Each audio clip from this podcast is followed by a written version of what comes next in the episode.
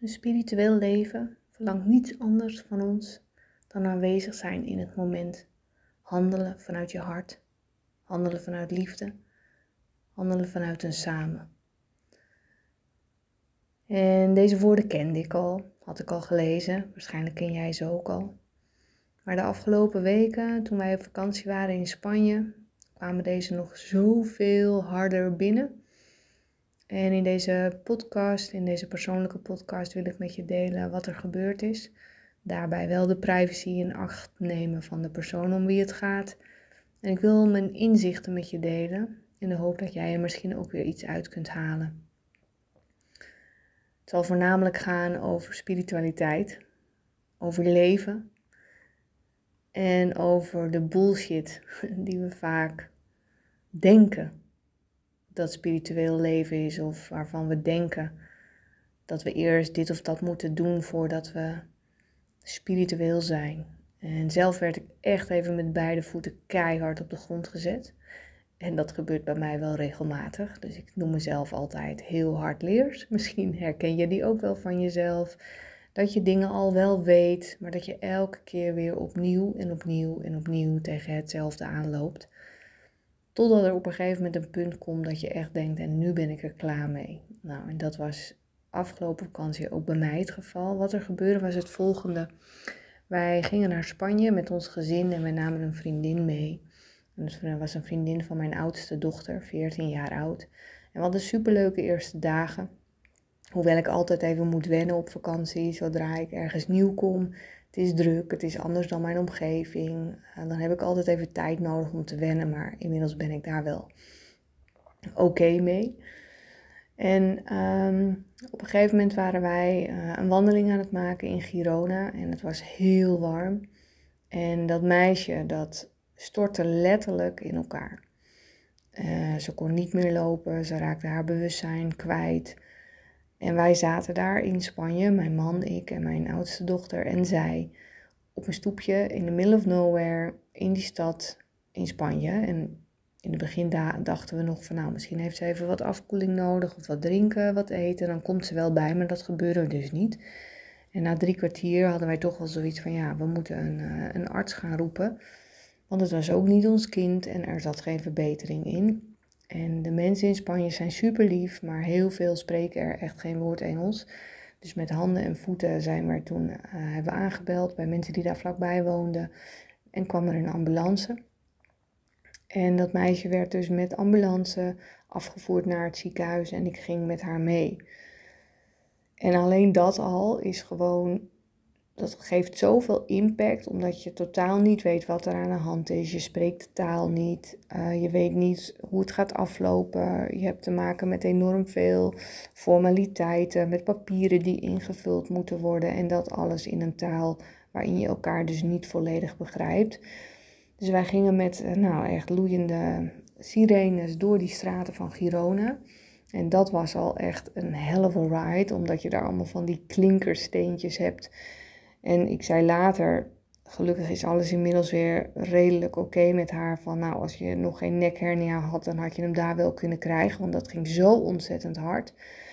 En eenmaal aangekomen in het ziekenhuis moest ik voor haar papieren invullen en moest ik haar dus achterlaten op de inloopplaats van de EHBO. Omdat die mensen niet met haar aan de slag gingen voordat ze papieren getekend hadden. Maar het was mijn kind niet, dus ik moest alles opzoeken. Dat kostte best wel tijd. En dat meisje, 14 jaar, zat daar alleen in het ziekenhuis. En nog steeds wisten we nog niet wat er aan de hand was. Nou, al met al werd dat uh, geregeld. Mocht ik met haar door en kwamen we in een soort koelkamer terecht waar zij helemaal is gekoeld met doeken heeft allerlei testen gehad, bloedtesten, bloeddruk, uh, weet ik het allemaal. En uh, wij moesten dus een nachtje blijven. Dus samen met haar moest ik een nacht in het ziekenhuis blijven. Nog steeds niet wetende wat er was, wat er aan de hand was. En ook dat maakte zoveel impact, omdat je daar ligt. En ook dat meisje lag dus met niet haar eigen moeder op een kamer waarin allemaal Spaanse zusters waren. Op een gegeven moment stonden er echt zes mensen om haar bed.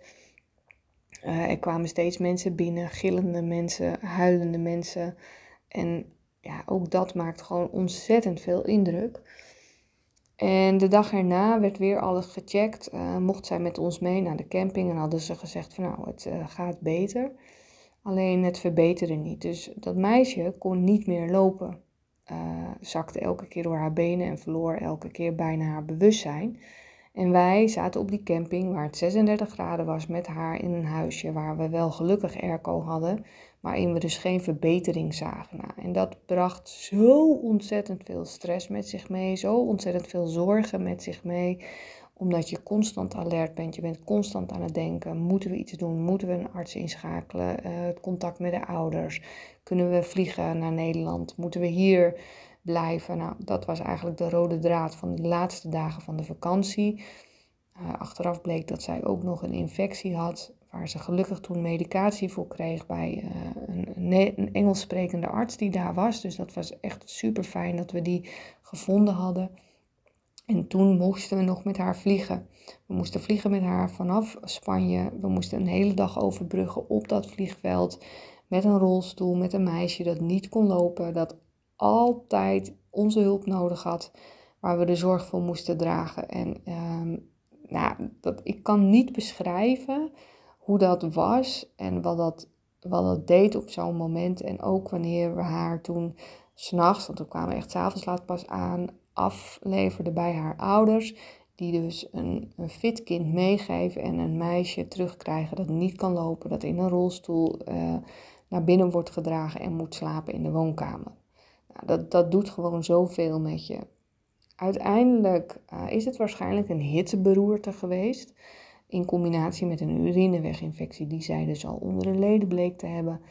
En uh, wat er gebeurt bij een hitteberoerte, en alsjeblieft laat het een waarschuwing zijn, want ik wist ook niet dat dat zo ontzettend gevaarlijk kon zijn, is dus dat er dan dat je lichaam eigenlijk iets gaat uitschakelen om af te kunnen koelen. Dus die gaat een andere functie afschakelen om letterlijk te overleven. En wanneer dat lang, uh, een langere tijd duurt, dan kan het dus zijn dat daar schade optreedt in bijvoorbeeld een orgaan. Nou, in dit geval is er dus bij haar iets afgesloten, waardoor tijdelijk zij haar, uh, haar benen niet kon gebruiken. En gelukkig is dit nu weer aan het terugkomen.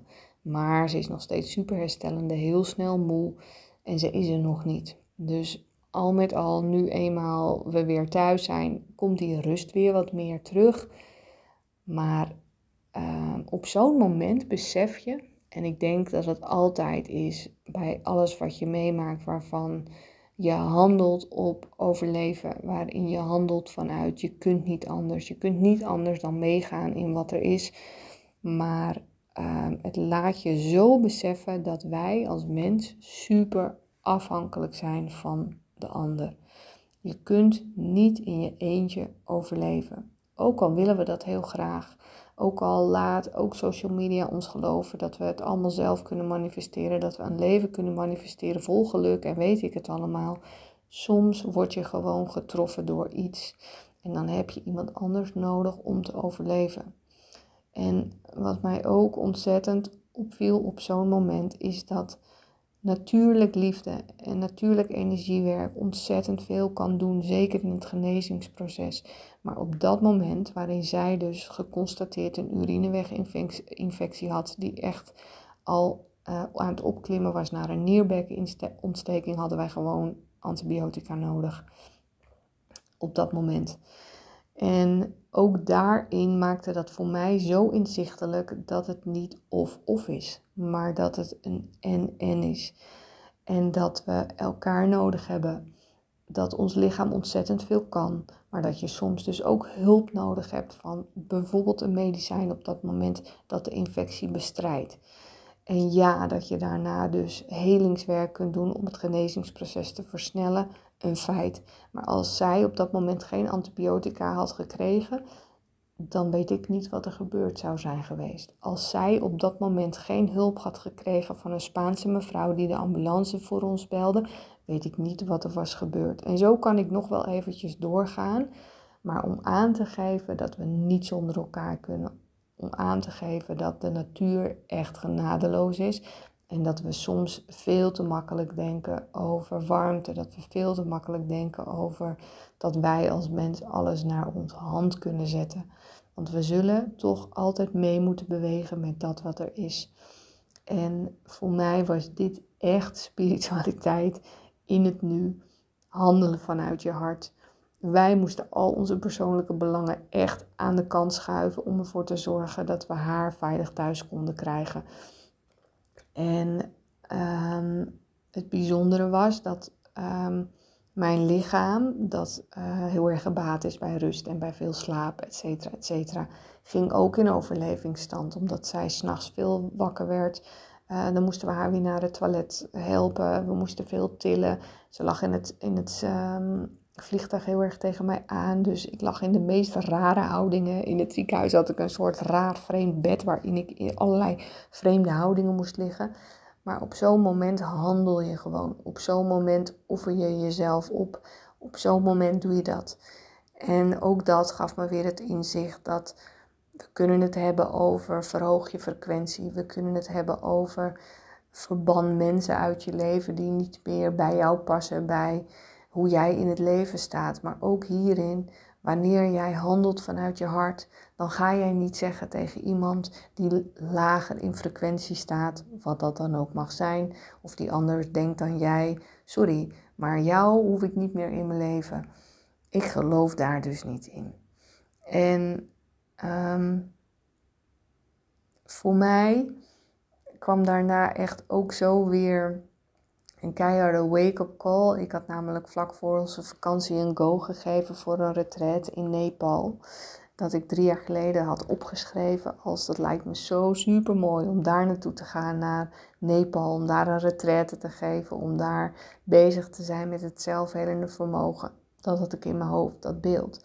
En nu kreeg ik vlak voordat we op vakantie waren een verzoek van Marisa Klauwer of ik samen met haar dat retraite wilde geven mijn hart maakte een sprongetje en ik dacht, wauw, Nepal, daar op die bergen, geweldig. En toen dit gebeurde op de vakantie en A, ik echt met twee voeten zo het leven en ook de nietigheid van onszelf als mens echt voor mijn ogen mocht zien. Uh, maar ook mijn eigen lichaam weer mocht voelen dat zoveel moeite had met al die wisselingen, dus met uh, het reizen, met weinig slaap, met de veranderingen, met de verantwoordelijkheid, met de stress, besefte ik mij dat ik het opnieuw buiten mezelf had gezocht. En dat heel vaak dat is um, wat heel veel mensen doen. Misschien herken jij hem ook wel, dat je het dus buiten jezelf gaat zoeken. Of dat je denkt dat je iets fantastisch nodig hebt. Een fantastisch mooie ervaring in een ander land. Of in een exclusief iets. Of in een super duurachtig iets. Dus het is nog steeds vanuit de mind. Voor mij gaat werkelijke spiritualiteit over leven in het nu. Over leven in samen, over leven vanuit je hart waarin jij je ego-belang aan de kant schuift, zonder dus ehm, je, eigen grenzen niet te respecteren. Daar gaat het niet om. Maar in dit geval, ook op vakantie, ehm, ging ik over mijn eigen grenzen heen om haar veilig thuis te krijgen. En vergde het ook van ons allemaal als gezin heel veel. Maar omdat je samen bent, kies je dan voor wat nodig is op zo'n moment. En dat hoef je dus niet te doen in een ver land. Dat hoef je dus niet te doen op een meest exclusieve uh, bestemming. Dat kun je gewoon overal. Als jij huisdieren hebt, als je mensen om je heen hebt die jouw zorg nodig hebben. Of kijk naar de planten. Als jij een plant niet verzorgt, gaat die dood. En alles heeft bewustzijn. Alles um, is afhankelijk van elkaar. En je kunt dus heel duidelijk zien aan als jij iemand observeert, hoe leeft die persoon? Hoe gaat die persoon om met een ander? Hoe praat die persoon over iemand anders? Zit er een vorm van uitsluiting in? Zit er een vorm in van het ene wel en het ander niet? Voor mij heeft het dan heel erg te maken met dat je een deel van het leven leeft. En geloof mij, het is niet altijd makkelijk deze lessen. En soms twijfel ik wel eens of ik ze zal delen, omdat ik vanuit mijn ego dan denk: Jezus, dit weten mensen misschien al lang al. Of dat ik ga denken: Jeetje, Minepaal, hoe vaak Moet je dit soort dingen nog meemaken? Zitten mensen wel te wachten op dit verhaal? Al dat soort stemmetjes. Maar ehm, toch is er een soort innerlijke drive om ook dit te delen. Om aan te geven dat we allemaal het leven ervaren en dat we allemaal dingen tegenkomen op onze weg. En dat we allemaal elke keer keuzes kunnen maken, elke keer opnieuw keuzes kunnen maken, afhankelijk van de staat van bewustzijn waar je op dat moment in zit. En wat er op, op een bepaald moment in jouw leven is, bepaalt ook hoe je op bepaalde momenten ehm, soms iets anders van jezelf nodig hebt. Een andere kant van jezelf moet gaan inzetten. En juist die, um, dat multistuk, dus al die delen van jezelf die jij kwijt kunt in jouw leven, dat maakt het compleet.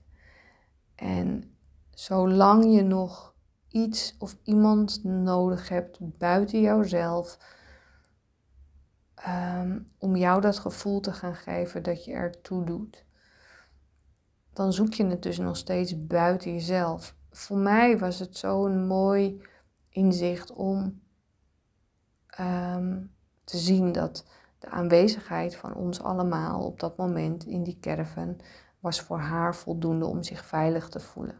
Alleen de aanwezigheid. Niet eens wat je zegt, niet eens wat je doet, maar gewoon het feit dat wij er waren. Het feit dat wij er voor haar waren was genoeg. En geloof mij, ook jouw aanwezigheid, op wat voor manier dan ook, brengt licht voor een ander. Jouw aanwezigheid, het feit dat je er bent, geeft iemand anders een fijn gevoel. En dat is vaak iets wat we vergeten, omdat we denken dat we iets bijzonders moeten doen of omdat we denken dat we een bepaalde gave moeten hebben. Daar gaat het niet om. Oprechte aandacht, luisteren vanuit je hart, iemand anders helpen, omdat je ziet dat iemand je hulp kan gebruiken je voelt het. Je voelt dat je daar zelf ook een warm gevoel van krijgt. En, ehm, en dat vind je overal. Dat vind je naast de deur, dat vind je binnen je eigen huis. En voor mij is dat hetgene uh, wat ik hieruit meeneem. Door gewoon veel meer nog in het nu te leven, uh, te handelen vanuit wat er nu is. Zonder elke keer maar weer vooruit te willen denken, vooruit te willen dromen. En uh, het grappige was dat wanneer ik dat deelde van Nepal, dat heel veel mensen reageerden, gaaf, gaaf. Terwijl, waarom is dat eigenlijk gaver dan wanneer je bijvoorbeeld zegt, ik heb mijn planten verzorgd en hé, hey, die zijn drie centimeter gegroeid. Dus we, we maken sommige dingen specialer. En wanneer je dat weg kunt laten, dus wanneer je gewoon kunt weten dat alles gelijk is, dat het een niet beter is dan het ander, dan uh, ga je de wereld heel anders ervaren. En geloof mij, ik zit heel vaak niet in dit, in dit bewustzijn, want soms knal ik er weer keihard uit en dan kan ik het helemaal niet op die manier zien. Maar hoe je kunt weten dat je vanuit daar leeft, dat is innerlijke rust. Als jij innerlijke rust ervaart, dan weet je dat het oké is. Wanneer jij voelt dat je innerlijk onrustig bent, dat je nog denkt dat je dingen nodig hebt, wanneer je denkt dat er iets anders moet, wanneer je, uh, noem maar op, dus innerlijke onrust, dan zit je in je hoofd. En innerlijke rust ontstaat wanneer je leeft vanuit je hart.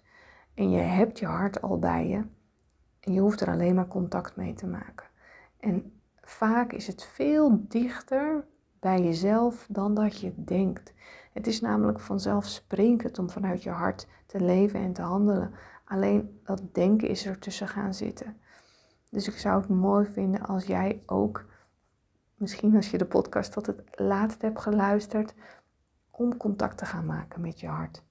Om vanuit daar meer te gaan handelen, meer te gaan leven en af te stemmen op dat mooie hart van jou. Want daar zit de kracht, daar zit ons samen, daar zit liefde. En daar krijg jij ook die innerlijke onrust van. Of die innerlijke rust, moet ik het wel goed zeggen. Daar zit jouw innerlijke rust. Leven vanuit het hart. Ik hoop dat je er iets uit hebt kunnen halen uh, qua inzichten, misschien herkenning. Uh, misschien vond je het gewoon leuk om uh, te luisteren. Anyhow, ik wens je een hele mooie avond. Binnenkort komen er weer nieuwe podcasten online. met allemaal mensen die mooi werk doen, die ik graag in het licht zet. En lijkt het je leuk om eens te ervaren hoe het is om onvoorwaardelijke liefde te voelen in de behandeling? Dan ben je altijd van harte welkom. Ik wens je een mooie avond.